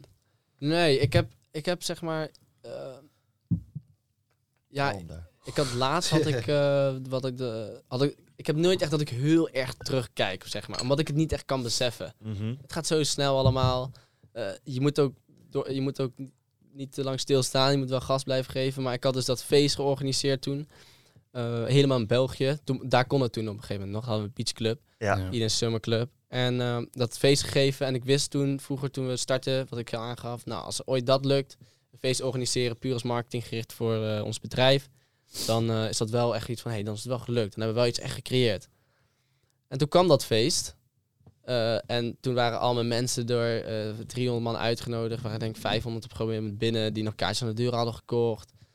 En toen ehm, stond ik daar bovenop. Je had zeg maar een stage en daarboven kon je dan opstaan, weet je wel. Ja, ja. En toen keek ik eh, zo over alles heen. En dat was wel, toen ging ik echt stilstaan. En ik heb Ja. het ook allemaal gefilmd. Ik heb er een vlog van gemaakt, zet op mijn Instagram. Lauw. Ja, was ook echt, ik wilde het echt terugkijken. Want ik wilde echt zien van hoe het is gegaan. Ja. Wil dat je je bent maar over eigenlijk ook- vijf jaar nog steeds terugkijken Ja, en vijf hetzelfde gevoel krijgen. snap van, je? hey, Ja, Ja, en man. dat was wel een... eh, toen ging ik wel stilstaan van, hey, we hebben nu wel echt iets gecreëerd wat echt groot is geworden. Ja. En waar we echt van kunnen leven. En ook hè, voor later. Het is wel, eh, was wel echt een mooi moment. Ja, keihard man. Traantje gelaten. Ook dat je familie ervan kan eten en zo. Ja man, Ja, dope. ja superleuk. Maar dat is moeilijk, want wij hebben juist heel erg... Wij kunnen totaal niet stilstaan bij successen. Dat, dat- we zijn daar Maar- echt slecht. Hij nog slechter dan ik. Hij, momentjes. dan heeft hij klanten binnengehaald en dan zeg ik van... "Yo, Oké, pik, lekker, laten we het even vieren. Dan zegt hij, nee, nee, kom terug, als we nog dubbele Kijk, we- hiervan halen of zo. Ik heb dat wel besef van, kijk, iets van klanten binnenhalen of zo is voor Mhm. mij niet het succes. Voor mij is het succes zijn er meer de kleine dingetjes dat ik merk dat een klant inzichten krijgt, bijvoorbeeld hoe hij de juiste video's moet maken. Of dat hij een concept heeft bedacht van die denkt van oké, hier word ik echt enthousiast van. Weet je, want dat we dat gaan uittesten en dat ik zijn Ja. energie zeg maar voel. Dus ik zie niet per se iets bij bij, bij cijfertjes of zo, da- daar hou ik Nee. niks mee binnen. Weet je, bijvoorbeeld ook, ik ben nu een nieuw eh, YouTube-kanaal begonnen en daar heb ik nu 30 abonnees op. Ja. Weet je, en wij hebben nu eh, 2,5k met de lotgenoten en we hebben 40k met TikTok, weet je, maar dat maakt me allemaal niet zo heel veel uit, weet je. Ik vind het leuk om Ja, ja, te weten van, oké, hoe ver zijn we? Maar ik vind het veel leuker dat ik straks met die 30 abonnees, dat er iemand naar me toe komt en zegt van, hé, hey, jouw video, die heeft me echt aangesproken, man. Ja, ja, ja. Weet je, zeker. en dat, dat, Klopt. dat zijn meer de momentjes die ik wat meer opzoek, man, heb ik gemerkt. Ja, ja, ik heb wel van eh, eh, op een gegeven moment toen. Ik ben jong, dus heel veel jonge gasten die niet dat het naar me opkijken, wil ik niet noemen, zeg maar, maar wel. Jawel, dat ze- jawel. Ja, eigenlijk Ja, wel. ja, hè. Ja, tuurlijk. Ik vind dat kut Dus, nee, dat snap ik, maar dat is wel gewoon zo. In ieder geval, als ze dan naar me toe komen, dan is het wel eh, leuk wat je doet. Hey, ik, ik heb ook jouw kleding. Dat zijn wel, op het begin waren dat echt wel mensen waar ik echt heel veel... Ik werd er nog steeds haar, eh, waarde aan, maar nu ben ik het wel een beetje gewend. Mhm. Maar eh, dat zijn wel van die kleine dingetjes van... eh, ja, ik heb wel iets gecreëerd wat, wat voor anderen, wat anderen ook vet vinden, zeg maar. En waar Ja. hun, wat hun waarschijnlijk ook willen doen. Ja. Eh, En waar ik hun op, op- met, mijn, met mijn drive, met wat ik doe, hun kan motiveren dat ze uiteindelijk ook zoiets gaan doen. Ja, laat ik dan één ding zeggen. Dat gaan namelijk de lotgenoten sowieso wel fantastisch vinden. Als mensen vragen hebben of zo, dan eh, kunnen ze jou dan gewoon een DM sturen. Tuurlijk, ja, Juist. sowieso. Ja, er zijn vast mensen die met kleding iets Ja, willen doen, tuurlijk. die eh, vragen hebben die ze graag stellen. Dus als je dat leuk ja. vindt, dan... ja, tuurlijk. mag- Ik krijg genoeg berichten binnen. ja, toch? Ja, dat dacht ik al. zeker. Ja, ja, Ja, ja, ja, ja. Dope, man. Dus ja, als je een vraag hebt, wel even, dat vind ik altijd wel belangrijk. Typ even je vraag eerst even op Google in, Ja, voordat je ja, hem aan anderen stelt. Ik vind dat zelf altijd vrij vervelend. Want dan, Klopt. ja, ik ga je niet vertellen hoe je moet inschrijven bij de KVK of waar je een webshop Nee, begint of zo. dat soort dingen niet. allemaal eh, Nee, meer echt dingen die dieper gaan dan dieper dat, gaan. zeg ja, maar. ja, Juist. ja, ja. Ik vind dan, het eh, niet erg om te helpen, en dat zeg ik ook. Ik vind het niet erg om te helpen, maar kom op je eigen research. eh. Ik vind het vervelend om luie mensen te helpen. ja, ja, ja, Dat zeker. is het. Maar dan is het ook gewoon, zeg maar, wat heel belangrijk is, wat ik heb gemerkt, je moet gewoon heel eerlijk zijn tegen jezelf. Echt gewoon heel eerlijk. Eh, Ben je lui, zeg maar, en ik ben ook gewoon lui hoor, nog steeds. Uh, maar wil je dan wel echt op dat moment? En als je gewoon tegen jezelf... Ik kan heel makkelijk tegen mezelf zeggen... Op dit moment wil ik het gewoon niet. Ja. Ben ik er niet klaar voor. Oké. En, en ik weet over... Als ik het over 10 jaar... Nou, dan ben ik 28. Misschien wil ik het dan wel. Nou, dan ben ik over, en ben ik over 10 jaar 38. En dan eh, heb ik het ook... dan. Maar is dan, dat is ook wel een gevaar. Want wanneer Nou, ben je nou klaar ergens voor? Oh, Weet je, mensen denken van... ja, Nee, ik- nee, nee. Ik vind het juist niet een gevaar, bro. Ik heb het bij hem juist het idee dat het juist heel erg veel vanuit. Ja, vanuit... verstand komt wel, man. Want dat is juist het ding. Kijk, heel veel mensen willen dingen. Alleen Ja, heel ja, ja. weinig mensen willen de prijs van die dingen. Iedereen wil miljonair zijn. Exact. Iedereen wil maar hoeveel zijn. mensen willen de prijs betalen van miljonair zijn? Dat klinkt misschien gek als je dit Ja, luistert. ja. Wat is de prijs van miljonair zijn? Ja, een miljoen euro. Nee, het gaat om al het harde werk. Alle Mhm. feestjes die je moet laten. De mensen Ja, die je gaat verliezen. De pijn en onzekerheid die je Ja. gaat ervaren. Ja, maar als je dat allemaal achteraf... Dat weet je ook van sommige mensen die je spreekt en het zeggen van... Ja, als je het achteraf nog een keer zou moeten doen... Zou je het dan, dan, zou je dan Ja, weer ja, alles ja. opofferen Ja. wat je hebt gedaan? Je? Weet je, wij hebben ook wel gemerkt de avonden die je opoffert en eh, de weekenden die je opoffert. En dat is nu een bedrijf waar je niet meer aan werkt. Nee, maar wat hij zegt, is meer... Kijk, je hebt toch wel eens een vriend van jou die komt naar je toe. Hé, hey, ik, ga ook, ik wil ook ondernemen. Ja, ja, ja, je denkt, ja, is oké, goed bro. Kom eh, vrijdagavond naar me toe. Gaan we even een uurtje zitten. Oh, zo. Een beetje Ja, uitschrijven. ja, ja, Schrijft klopt. het uit, bla bla bla. Week later sprak hem. Oké, boem, heb je dit en dit al gedaan? Ja, je weet toch. mm, twee Mhm. weken later heb ik nog niks gedaan. Dan weet je al, hij wil wel een Mhm. kledinglijn beginnen. Hij wil maar wel, hij maar wil hij wil niet het niet. echt een kledinglijn Ja, beginnen. maar ik vind, zeg maar, die... ja. eh, ik ben ook zo geweest, zeg maar. Ik heb ook weer een drive, ook van mijn ouders en zo. Dus, dus eh, dat, ik vind dat niet erg of zo, maar als je het gewoon toegeeft... hey, even goede vrienden, ik help je de volgende keer weer. Ik vind het echt niet erg. Je moet niet mijn Mm. tijd gaan lopen verspillen. Juist. Maar als jij gewoon zegt van, ja... eh, Ik heb ook een keer weer een concept gehad. Mm. eh, een feestconcept. Nou, toen is hij dan gecanceld. Maar als ik het eigenlijk nu achteraf na, of over na had gedacht, stond ik eigenlijk niet helemaal 100% achter. Ben ik blij dat ik het niet heb gedaan. Is ook helemaal niet erg als, als je het niet doet. Maar als je het maar wel weet eh, wat je er uiteindelijk voor moet doen. En uiteindelijk komt het moment wel. Uiteindelijk eh, staat die jongen waarschijnlijk ook bij mij straks eh, op vakantie. En dan heeft hij wel iets wat hij wil. En dan gaan we wel iets samen doen. Ja. Komt allemaal wel. ja, het zijn allemaal En- zaadjes, en, zaadjes planten. De lat te ja. hoog leggen is echt heel gevaarlijk. Daar ja, word je man. zo ongelukkig van. Ja. Ja, Mhm. Heb je daar struggles mee gehad wel? Ja, Ja, nog niet zo lang geleden. juist. Ja, ja, ja. En waar zit het hem dan in? Zeg maar, wa- wa- wa- welke dingen loopt tegenaan? Is dat echt financieel? Of- Ja, het was toen financieel, Ja. zeg maar. Ik was, ik was al jong. Ik zei al, eh, ik wil eh, miljonair worden voor mijn 25ste of zo. Shit, 30 vind ik al eh, sterk. 25, Ja, Koen. Step up, man. Ja, ja, ja. Ik heb nog maar, een paar maanden. maar ik had wel zo van... ehm, op een gegeven moment toen... Toen ging ik alleen maar denken over het financieel gedeelte. Ben ik tering ongelukkig. Ja, Van, oh fuck man, ik word ouder, ik word ouder. Ik word dag ouder. Ik heb vandaag toevallig niks gedaan. Of ik heb eh, twee dagen nu al niks gedaan. Dan ben ik Mhm. gewoon echt fucked up in mijn head. Precies, omdat je met Echt je kopje in de up. toekomst zit. Ja, toen was ik 16 of zo. Ja. En toen eh, merkte ik wel van, hey, met, je moet, kijk, nu heb, ik doe nu iets wat ik leuk vind. En ik vind het proces van mijn werk fucking leuk.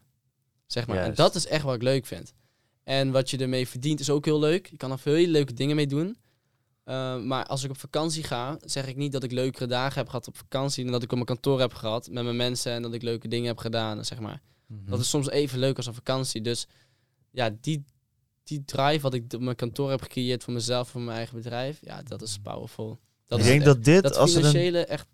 Zet het aan de kant, man. Ja man, ik denk dat als, als er een takeaway is van deze podcast, dat dat het belangrijkste is. En het is moeilijk, want vaak begin je natuurlijk met een idee van, oh ik heb te weinig geld en zij hebben bijvoorbeeld kleding die ik niet heb. Mhm. Of eh, weet ik veel, Ja, ja. een huis dat ik dat niet ik heb, ook, ik wil dat ook. Juist, en daar begint het dan. Met het huis had ik niet, maar wel met kleding, zeg maar. We hadden het wel financieel goed, maar ik kreeg van mijn ouders niet geen Stone Island trui. Nee man, Echt gek.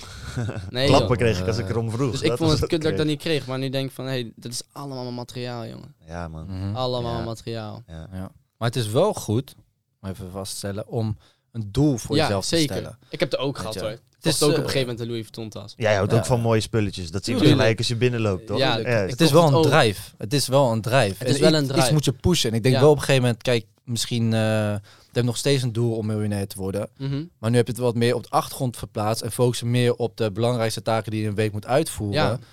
Die je echt letterlijk kan afstrepen, Ja. waardoor je gemotiveerd wordt, zeg maar. Ja. En dat missen mensen soms. Soms zeggen mensen van ja, ik wil miljonair worden.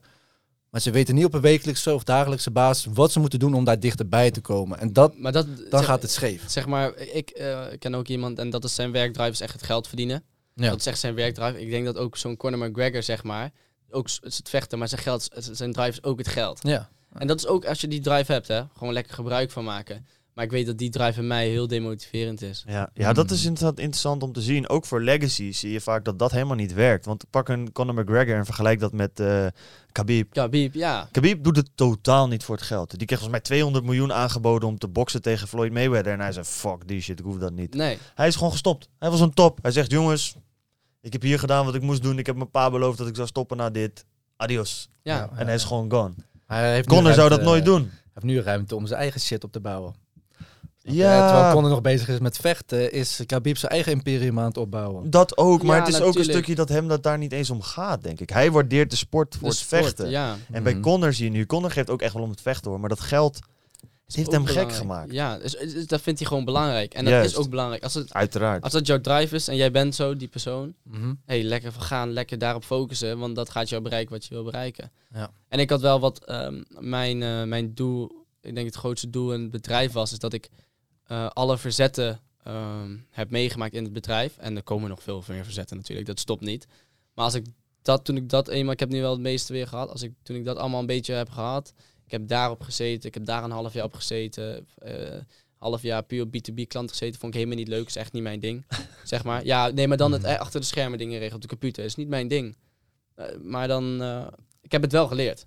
Mhm. Dus als ik nou iets anders opstart, kan ik het ook weer opnieuw. Dus Ja, eh, dat is wel iets. Ik, ik, kan zo, ik heb zoveel geleerd. Ik kan zoveel leren in het bedrijf.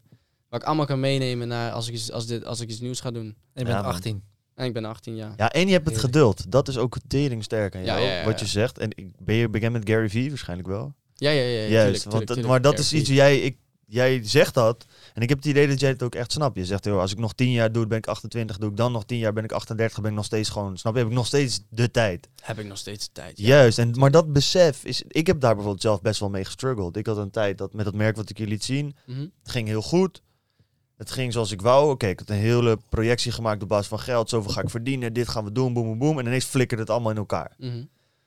En toen, eh, ja, toen zat ik gewoon van... Ah, ik heb dit allemaal gebouwd. Ik ben al zo lang bezig. Ik ben al drie jaar aan het ondernemen. Ja, ja, Alsof dat lang is. En eh, ja, dit, weet je wel, ik wil... Het, ik, heb, ik had haast, zeg maar. En nu, de laatste tijd, besef ik steeds meer van... Bro, Rust. pak je rust. Ja, Je bent met genoeg dingen bezig. Werk gewoon aan de dingen die nu voor zijn. En dan komt vanzelf dat geld, dat succes. De Ja. dingen die je zoekt, komt wel. ja ik- en rust is eh, voor mij echt heel belangrijk, zeg maar. Ook op kantoor. Kijk, je hebt altijd momenten dat het in één keer echt... eh, stress gaat echt hier zitten, weet je wel. Ehm, en dan, en dan eh, heb je deadlines, maar dan ben ik ook heel simpel van dan eh, ga ik gewoon, ik heb natuurlijk een heel mooi kantoor gecreëerd, dus ik heb ook echt een woonkamer gecreëerd, kan ook gewoon chillen. En dan ga ik ook gewoon even, ongeacht of ik die deadline die dag heb, ga ik ook gewoon even vijf minuten gewoon even daar zitten. En ik word heel rustig van TikTok toevallig. Hey. Dus dan ga ik gewoon TikTok scrollen. En dan na vijf minuten ben ik gewoon zo tot rust gekomen en dan ben ik weer opgeladen. Ongeacht of ik die deadline heb, zeg maar. Ja, Dat- sterk. ik, ben, ik kan altijd even een stapje terug doen om meer vooruit te gaan en niet alleen maar stappen blijven maken. Want op een gegeven moment dan, eh, dan ben je uitgerust. Ja. Kijk, het is net als als jij een, eh, eh, die hardlopers, weet je wel, dat eh, 100 meter het rondje rennen. Mhm. Zo, zeg maar, eh, je kan rennen, alleen maar door blijven rennen, op een gegeven moment ben je moe, moet je stoppen. Maar als je elke keer een kleine pauze neemt, kan je eigenlijk zo lang mogelijk door blijven rennen als je wil. Juist. Ja, Natuurlijk, op een gegeven moment uh, verzuurt je been of iets, maar dat is iets fysiek, daar kan je niks tegen doen. Juist. Ja. Het hele Dat- stuk, dat is het is geen sprint. Het is een marathon, dat idee. Ja, ja, ja, ja. Ja, Ja, man. Ja, ja. Ken je Nipsey Hussle? Nee. Nee, dat artiest. Zijn Oh, hele, ja, ja, ja, ja, ik weet die, kennen die overleden ja, een paar ja, jaar ja. terug. Zijn hele concept was ook de marathon. Zo heet een album ook en zo. Oh, dat dat hij zei van, deze shit is een marathon. Ik ben hier niet voor een week. Ik ben hier niet voor snel Mhm. succes. Ik ben hier om op lange termijn groot shit te bouwen. Hij is wel doodgeschoten, dus die Ja, ja, marathon ja, is wel geëindigd, Helaas helaas. wel. Ja. Maar dat is inderdaad dat concept. En dat is echt keihard, man. Ja, zeker. is Dat is, echt, super eh, hard. Goed om, goed om te weten. Ja, man. Ja. Waar wil je een beetje heen gaan dan eh, met, je, met het bedrijf of met jezelf? Want Ja. kijk, ik, be- ik kan ook wel begrijpen dat... Je bent natuurlijk vanaf je 14e zit je hier al in. Je bent nu 18. Misschien zeg je straks wel op je 20 of 22 van ja, ik wil gewoon nu wat voor mezelf gaan starten. Ja, Zo is dat te gevaarlijk om nu te zeggen? mm, nee. Nee, denk ik niet. Nee. nee, anders hoor ik het op kantoor wel. Nee, nee maar eh, waar ik naartoe wil, zeg maar... eh, ik, moet, ik heb mezelf al wel heel, heel ver ontwikkeld al op een hele jonge leeftijd. Dus ben ik heel tevreden mee. Ik heb wel bijvoorbeeld dat ik eh, meer discipline bijvoorbeeld wil. Of eh, weet je wel, dat soort dingetjes. Wil, we- bijvoorbeeld, eh, ik sport bijna, el- probeer elke dag bijna te sporten, maar die elke extra dag toch mee te pakken. Dat zijn altijd die kleine dingen waar ik aan wil werken.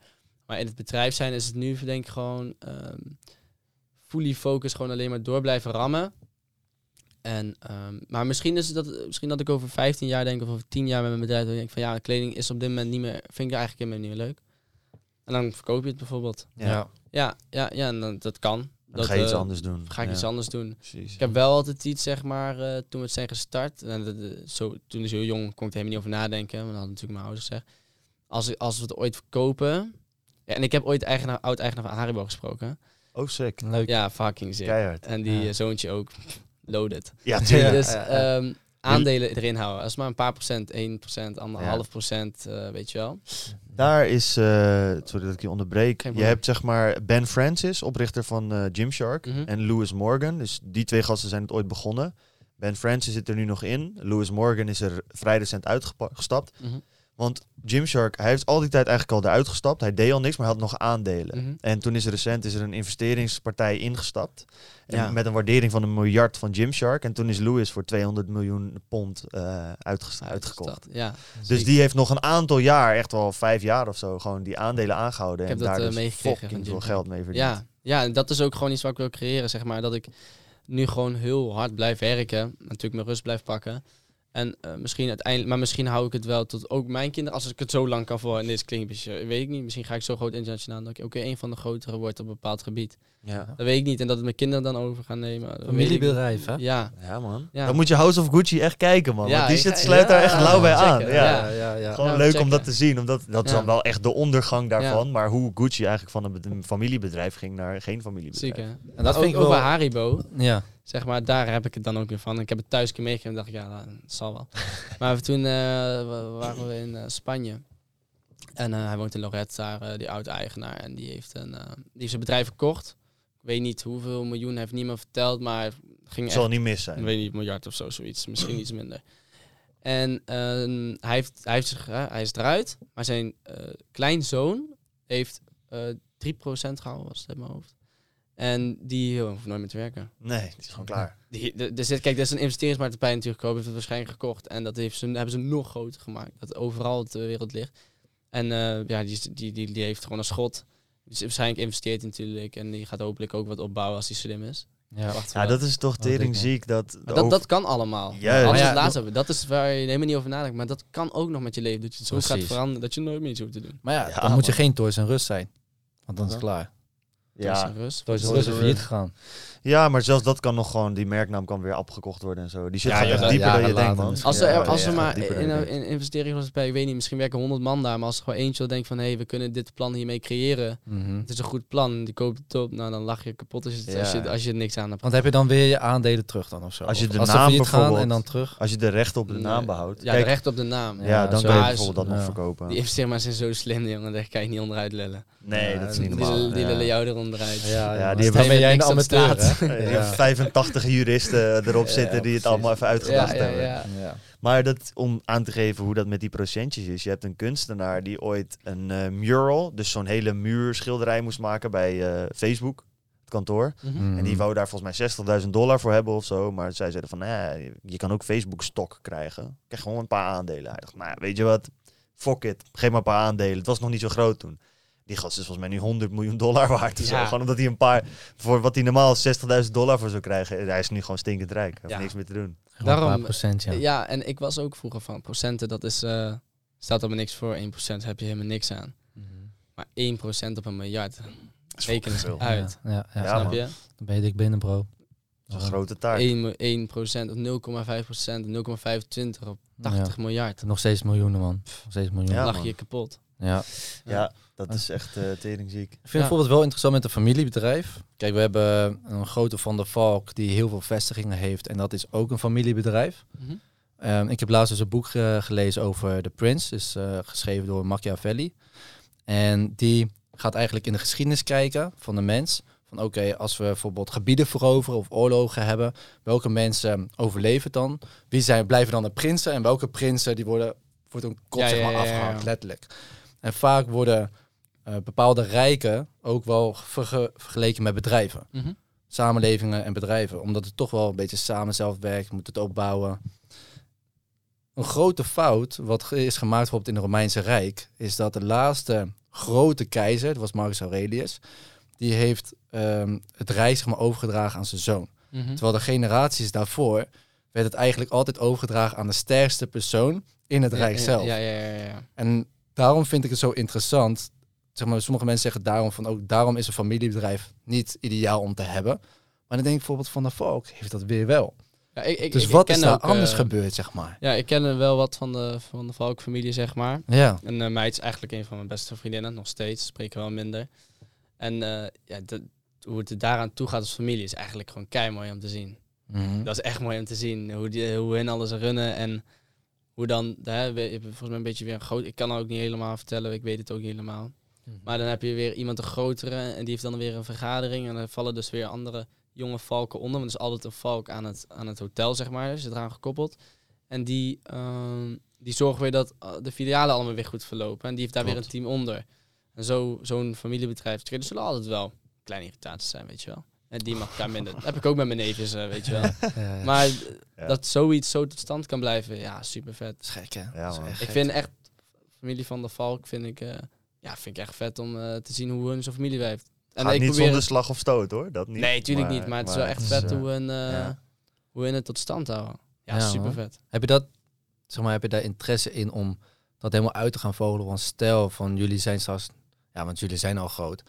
Van oké, hoe hebben zij dat precies volgehouden? Van als jij straks zegt van ja, ik wil ook mijn kinderen overdragen. En dat Ja. gaat misschien dan, dan wordt het echt een groot familiebedrijf. Zeg maar, Ja, dat, dat is het belangrijkste dat dat wel goed gaat. Ja, ik heb niet of zo dat ik denk van... ehm, nee, ik weet niet, ik denk dat ik het zelf zou willen uitvogelen een beetje, zeg maar. Kijk, ik kan eh, natuurlijk had advies aan ze kunnen vragen. Ja. Oprecht hele aardige mensen. Ehm, maar ik denk dat, het, dat ik het zelf uitvogelen wel een beetje leuker vind, zeg maar. Mhm. En hun, hun leven ook in een hele andere, Ja. hele andere business. Heel anders. Dat is wel waar. Snap Het je? is wel Dus- een hele andere business. Kijk, ja. normale dingen, heel veel dingen zijn vanzelfsprekend. Zeg maar, als je logisch nadenkt, is het allemaal vanzelfsprekend. Mhm. Dus het zelf uitvogelen en bij je fouten opstaan, zeg maar. En ik heb, liever, ik heb vaak van, ik heb liever dat ik de fout maak. Kijk, je kan ook heel veel mensen zeggen van, ja, als je het van mij leert, hoef je de fout niet te maken. Is ook zo, sta ik zeker. Maar ik ben soms zo eigenwijs dat ik de fout maar toch maar wil maken op een of andere manier. Mhm. Ja, Ja. dat Ja. heb ik gewoon. Of je leert het en over tijd vergeet je het en dan maak je alsnog de fout. Dat je het dan ooit van iemand hebt gehad en dan denk je van, hé, maar waarom, Ja, ja, ja, waarom dat is ook. dit zo? En dan ben je benieuwd van, oké, als ik dit nou eens ga veranderen. Oh, oh, dan, oh ja, dan ging het fout. Oké, oké, nu heb ik alsnog de fout gemaakt. Ja. Precies. Ja. ja, nee, maar een familiebedrijf is het leukste wat er is. Ja, denk ik ik. wel, man. denk ik. Alleen aan de top staan, lijkt me iets aan. Ja, maar dat merken wij ook al, man. Allebei Ja, los een bedrijf hebben. Uiteindelijk merken Koen en ik ook wel dat als we iets samen doen, dat we daar zoveel meer Ja, energie, leuk. drive ja. en zo uithalen. En ook als iemand geen zin heeft of er niet lekker in zit, kan de ander kan je omhoog helpen. zeg Ja, maar. ja, ja. En vice versa. Ja, en ik heb ook gewoon, eh, als, ik, eh, als ik nu op vakantie ga, nou, ik ga dan nu naar Aruba natuurlijk, wat ik had verteld. Eh, maar dan ga ik ook gewoon met, met mijn familie, zeg maar. Dus we hebben met z'n drieën gewerkt. En we gaan met z'n drieën de deur uit, Ja, zeg maar. Ja, er gaan natuurlijk nog heel veel andere mensen mee, ook weer vrienden natuurlijk. Maar Mhm.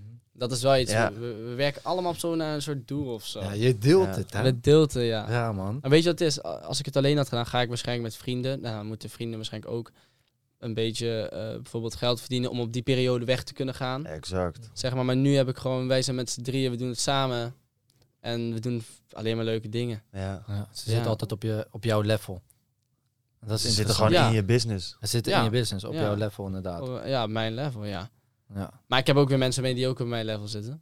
Ja. Zeker. Maar dat is, hij heeft zijn ding, ik heb mijn ding. Mhm. Maar ik heb, als ik met me- mensen met mijn ding iets ga doen, is het echt van, hé, hey, we hebben weer iets gedaan en we gaan er nu van genieten. Juist. En dan is het, ja, ik heb iets gedaan. En als ik alleen had gehad, ik, ik heb iets gedaan. Yo, yo, jij hebt iets gedaan. Nou, kom, we gaan er samen van genieten. Ja, je hebt stra- Maar nu, je samen die strijd gehad. dingen. Ja, maar Dat is het ook. je Zeg maar net als met je examenreis. Je bent samen geslaagd. Je Ja, bent ja, fucking ja. blij. Zeg maar. Dat, ja, maar dat is hetzelfde idee toch? Van, je hebt samen ergens hard aan gewerkt. En dat heb je nu allemaal samen waargemaakt. Ja. En Ja. daar kan je dan van genieten. Klopt, man. Klopt. hey, Koen, Nee, we gingen nog een giveaway doen. Vertel er eens wat meer over. Oh ja. Voor iedereen die nu luistert Oh shit. en kijkt. ASMR. We hebben een hele mooie giveaway. De jongens niet opgeilen. want- Namelijk Daan heeft ehm, voor de mensen die een... Wat deden we ook alweer? Een hele mooie story plaatsen op hun Ja. Instagram. En daar de lotgenoten in taggen dat ze nu deze podcast aan het kijken zijn. Ja, en ze moeten even abonneren ook. En ab- Zeker. ze moeten abonneren op YouTube. Zorgen dat ze een story delen op Instagram. En dan maken ze kans op 150 euro budget om wat aan te kopen bij Cotrel. Onze website. Kijk, Heerlijk man. keihard. Hoodies, trainingspakken, Ja, of even je nieuwe alles. zomeroutfit Alles. alvast een beetje Ja. frisjes zetten. Precies man. Dus Als je eh, hem wint, hij is eh, gewoon altijd geldig. Dus ik zal lekker wachten tot de zomercollectie uitkomt. Juist. hey, dat is ook slim man. Dat is Ja, ook want slim. nu staat er een beetje oude collectie op. Precies. Wat is jouw favoriete kledingstuk of kleding eh, wat je hebt? Nou, ik, kijk, eh, toen we begonnen, toen maakten we kleding wat ik op dat moment tof vond. Mhm. En toen gingen we een beetje ook die kant blijven opgaan, zeg maar. En dat is eigenlijk niet mijn doelgroep. Met Die eh, strakke shirtjes is niet echt mijn ding. Ik hou wel van een beetje van oversized. Maar ik draag ook heel, heel bekakt netjes hoor. Dat Ja. ook gewoon. En nu hadden wij, eh, we hebben we een broek gecreëerd. Nou, die is al online. was eigenlijk een sportbroek. Eh, alleen leverancier, helaas had hij hem te groot gemaakt. Nou, was niet zo erg. En omdat hij aan de onderkant wat, star- eh, wat langer is, eh, vond ik het heel tof om het ritje open te doen dat het een flare werd. Mm. En dat is nu mijn favoriete item geworden. Ja, man. Die Dat is echt wat ik zelf zou maken. Maar Ja. want ik kan het nog niet maken, het is nog niet helemaal mijn doelgroep. Juist. Maar dat is van die items van, hey, ik, ik creëer mijn eigen draai eraan. Ja. Precies. Met iets wat ik aan de normale klant ook weer verkoop. Ja, man. Maar ik probeer nu wel een andere doelgroep zo te slepen. Ja, en het is toch wel een beetje per ongeluk. Ja, dat de leverancier iets niet helemaal kan aanleveren. En dan denk Ja. je, hé, hey, is toch ziek. Het is toch ziek wat hij nou is. Ik geloof ook wel dat dat een soort van, misschien gaat dat te diep hoor en te spiritueel, maar dat dat ook een soort van het leven is die jouw kant opstuurt. Van jij denkt van oké, dit is de lijn die we gekozen Mhm. hebben, ik kan niet te veel mijn eigen saus erop zetten, want dat is niet onze doelgroep. Nee. En dat dan, het is te toevallig dat je dan een Dat- piece maakt Dat je, ja, ja, die ineens ja, ja. door een fout, zeg maar, precies de eigenschap heeft waarvan jij denkt van ja, dat is echt de shit die ik zelf, zeg maar, louter Ja. vind om te maken. En dat je dat dan alsnog kan droppen. Dat Ja, is te toevallig. En letterlijk door, ik denk door die pens die we nou hebben gedropt. En door die stijl van fotografie die ik in mijn gedachten had. Van, ik, heb la- ik heb laatst in het museum van Loon geshoot. Oké, Oké. lit. Ja, natuurlijk, dat is van heel lang geleden. Fucking vet. Die schilderijen is heel authentiek. En door die broek ook had ik een beetje gedacht van... Hé, hey, maar die, die collectie die ik hier schiet past niet helemaal erbij, maar prima. Maar ik wil iets gaan creëren wat ook hierbij past. Ja, nu ga ik gewoon met iets nieuws komen, een nieuwe drop. Ja. Gaan we nou creëren. En zo komt wel alles bij elkaar. En dat is weer echt mijn ding wat we nu gaan creëren. Hard. En is Ja. dat de, de summer season of is dat verder nog Nee, dus vooruit? ik denk pas over twee jaar of zo. of Ah ja, jaar. ja, ver die vooruit ver werken. Ja, ja, ja. samplen dit lang. Ja, man. Ja, ja, ja, ja, ja, ja. ja. En wat zou nou echt je advies zijn nog voor mensen die zeggen van... Oké, ik wil een kledingmerk starten. Ja, goeie. Van een beetje gewoon heel erg simpel Mhm. houden. Van oké, want het, we weten al, allemaal wel van... Het is hard werken. Helemaal Ja. een kledingmerk op te bouwen. Maar ehm, ja, wat zou je meegeven aan diegene? Ik denk... Ja, ik moet er even over, goed over Dat nadenken. is geen probleem. Even denken. Je mag nadenken.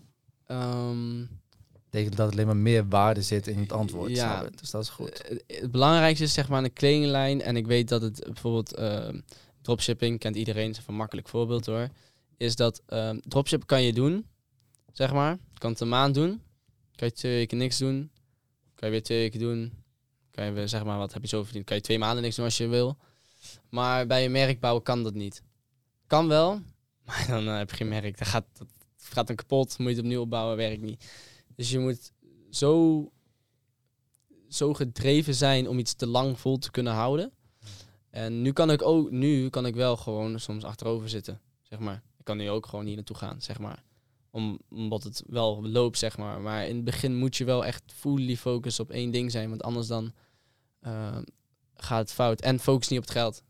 Vorige podcast ook gezegd, focus niet op het geld. Focus gewoon op wat je leuk vindt, wat je doet. En vind je alle verzetten echt leuk in het bedrijf? Zeg maar, niet alles kan je leuk vinden natuurlijk. Maar als je dat hebt gevonden, dan weet ik zeker dat je er- er gewoon 100% voor moet gaan. Dus als jij denkt van, nou, ik vind kleding leuk. Ik vind kleding leuk om te maken. Echt leuk om te maken. Het creëren vind ik leuk. Nou, 100% voor gaan. Maar vind je het, het andere dingen minder leuk, het financiële, zorg wel dat je zo snel mogelijk iemand erop zet. Het kost misschien meer geld. Maar het zal beter resultaten op, op heel, en heel snel gaan. En dat hebben wij ook gemerkt. We zijn vier jaar bezig. Ja. We hebben heel veel resultaten geboekt. Omdat we gewoon heel snel wisten van... eh hey, we moeten dit niet te lang doen. Mhm. Maar dan gaat het ons kop kosten. Oké, dus dan ga je op het moment dat je denkt van oké, dit hier zijn we te zwak in, dan ga je het uitbesteden. Ja, zo snel mogelijk. Ja. Ja. En, en voor Maar wel gecontroleerd. Het is niet dat ik zeg van... eh, ik zet, je kan zo'n advertentie plaatsen op zo'n... Waar, Ja, waar Fiverr of dat soort Ja, ja, shit. ja. eh, Dat ik dan iemand... eh, oh, ja, die ga ik... Nee. Ik ga wel gewoon rustig aan. Neem wel de tijd voor voordat ik iemand aanneem. ja. Ik er wel echt achter. Zodoende. Oké, gek man. Oh, en ik heb nog een laatste leuke vraag, daar ben ik wel benieuwd naar. Ja. Wie zou jou nou graag willen dat Quatrel draagt? Ja. Zeg maar van Ja. iemand dat je zegt, maar als Ja. die het aan heeft. Mag ook crazy. buitenland zijn, toch? Ja, ja, gewoon iedereen. ja, ja. Nou, wat ik al zei, Nederland, iedereen eigenlijk wel een beetje gehad. Super trots op, sowieso. Alle, alle influencers die het zien, dankjewel alvast. Ja, shout-out naar jullie. Maar ik denk dat ik een, een Justin Bieber, ik echt, lijkt me wel echt vet, zeg Ja. maar. Want ik weet hoe hij zijn kleding draagt. Heel apart ook vaak. Super tof. Maar als hij dan denkt van, hey, yo, ik, ik draag iets apart en ik kan het met dit merk ook combineren. Mhm. denk wel van ja, dan kan ik wel creëren dat ik gewoon creatief, dat wij creatief zo ver zijn ontwikkeld. Dat zulke gasten ook denken van ja man. Dit past erbij. En net als wat ik zei, hey, als het in je kast hangt en je vindt het tof, Oh, waarom zou ik het dan niet dragen? Ja. Ja, mijn merk moet per se betalen. Mhm. Als je het tof vindt, Dat gaat ook lukken, toch? draag het Eerlijk. lekker. Ja, 100%. Luister, In God We Trust wordt gedragen door fucking Chris Brown en Ja, eh, weet ik veel wat. Dus dan gaat Quattrell gaat Ja, daarom. ook, eh, Dus eh dat gaat allemaal komen. Maar ik ben er geen zorgen om. Lekker man. Nice. Ja, Hey eh, Daan, ik wil je heel erg bedanken voor je tijd. Ja. Voor Geen probleem. alle informatie die je gedeeld hebt. Ik weet niet of jij nog eh, vragen hebt of dingen, zo niet. Ook. nee, ik wil wel zeggen, ik vond het super leuk dat jullie me hier hebben uitgenodigd. Uiteraard, man. Want Altijd welkom. eh, hè, jullie, ik, ik ben natuurlijk even viraal gegaan met het filmpje. Ja, zeker. daar Daardoor, volgens mij heb ik het daardoor gezien. Ja, man. Ja, want ik ken- kijk jullie podcast gewoon. Daarvoor Ja, ook dus, al. Daarvoor keek ik het al. Oh, Daarvoor keek ik het al. lauw, man. Dit- Toen zag ik in één keer werd gepost op Lotgenoten. Ik dacht van, oh, wel grappig. Ja, ik keek vond die video keihard, man. Ja, ja, dat was toen we gingen over eh, naar het fulfillment center. Juist. En ehm, ja, toen zag ik dat jullie reageerden. Toen dacht ik, van, ah, ik denk dat er een berichtje wel binnen gaat komen. Ja, ja, ja. Nou. Netjes, man. Thanks. Ja, sowieso, man. Lekker, Altijd man. welkom, Lekker, bro. man. Heel erg Ja. bedankt voor je tijd. Zeker, Eh, geen ik denk probleem. dat iedereen die dit luistert echt veel eh, kennis uitgehaald heeft. Je bent jong, je hebt toffe dingen in de kledingbranche neergezet. Uniek verhaal. Dus eh, ik denk dat we nog Gekke veel van je gaan man. horen, man. Zeker, komt Ja, helemaal man. goed. Toekomst bro, vijf jaartjes. Ja, Ja, joh. Heerlijk. Bro, heerlijk. over vijf jaar ben je nog steeds jonger dan wij zijn nu. Besef die shit. Ja, ja, dat is fucking lijp. Waarom man? Als je nou graag 150 euro shoptegoed wil winnen bij Quatrel, zorg dan even dat je abonneert op YouTube op de Lotgenoten podcast. Zet het in je story op Instagram en tag ons ook, want anders kunnen we het niet zien. Je mag ook niet taggen, vind ik ook prima, maar dan kunnen wij niet zien of je gewonnen pech. hebt. Dus ja, dat wordt lastig. Ja, dat. Doe dat even. Deel het met je vrienden, familie, iedereen. En dan zeggen we altijd nog één ding. Zeg nog één ding jongens. En dat is... Dus, fuck goeroes, wij zijn lotgenoten. Dankjewel voor het kijken en of luisteren. Ciao. En peace. Ja, lekker grap.